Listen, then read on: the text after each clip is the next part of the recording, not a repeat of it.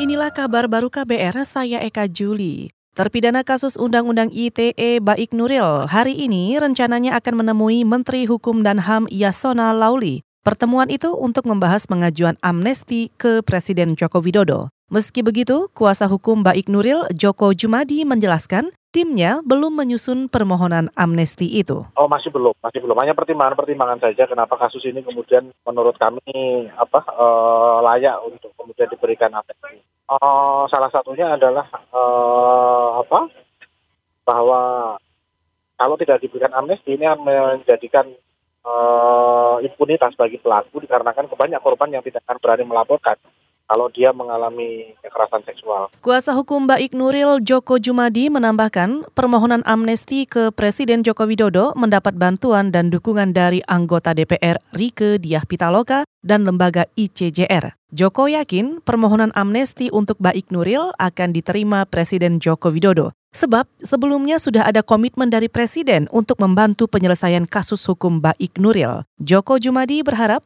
pertemuan dengan Presiden Joko Widodo bisa dilaksanakan pekan ini. Masih soal Baik Nuril, Komisi Hukum DPR yakin Presiden Joko Widodo akan menilai secara politis pemberian pengampunan atau amnesti untuk Baik Nuril. Anggota Komisi Hukum DPR Teku Taufikul Hadi mendorong Baik beserta kuasa hukumnya segera mengajukan permohonan amnesti kepada Presiden. Taufikul Hadi menjamin Presiden pasti akan bersimpati atas kondisi yang dialami Baik Nuril. Kami berharap kepada Baik Nuril itulah mengajukan surat segera kepada Presiden. Proses di pengadilan sudah selesai. Sekarang ini adalah proses tersebut adalah di, secara politis dan jangan Presiden. Jadi bentuk apa pun tidak masalah misalkan uh, Presiden menyetujuinya. Kita mengetahui bahwa saya rasa Presiden bersimpati kepada kasus baik Nuril karena itu kami pikir dari pihak Presiden akan menyetujui permintaan dari baik media. Anggota Komisi Hukum DPR Teku Taufikul Hadi sangat mendukung proses hukum terhadap Baik Nuril dan akan mencari solusinya secara politis. Hal itu agar Baik segera bisa mendapat pengampunan dari Presiden Joko Widodo.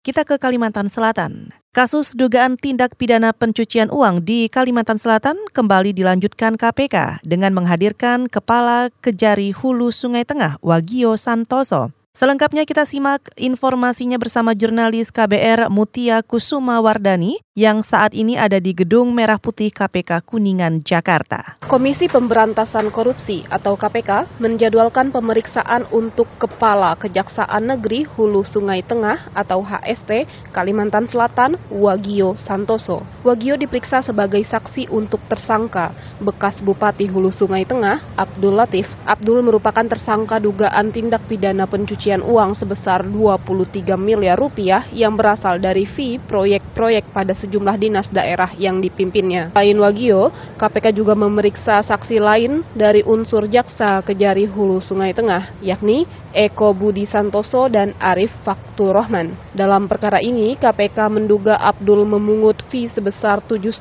hingga 10 persen dari sejumlah proyek. Lembaga anti rasuah itu juga telah menyita sebanyak 23 kendaraan yang diduga terkait dengan TPPU yang bersangkutan. Sebelumnya KPK juga telah memfonis bersalah Abdul dalam kasus pembangunan ruang perawatan di RSUD Damahuri Barabai. Dari Gedung Merah Putih KPK, Mutia Kusuma untuk KBR.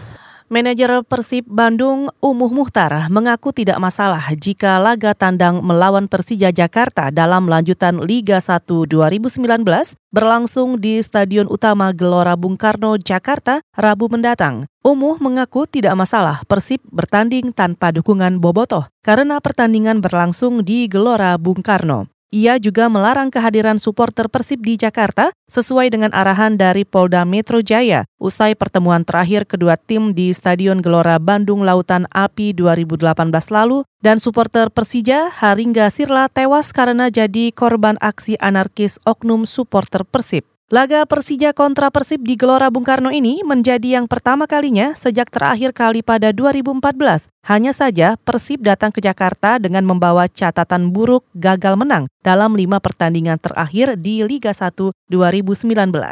Saudara demikian kabar baru, saya Eka Juli.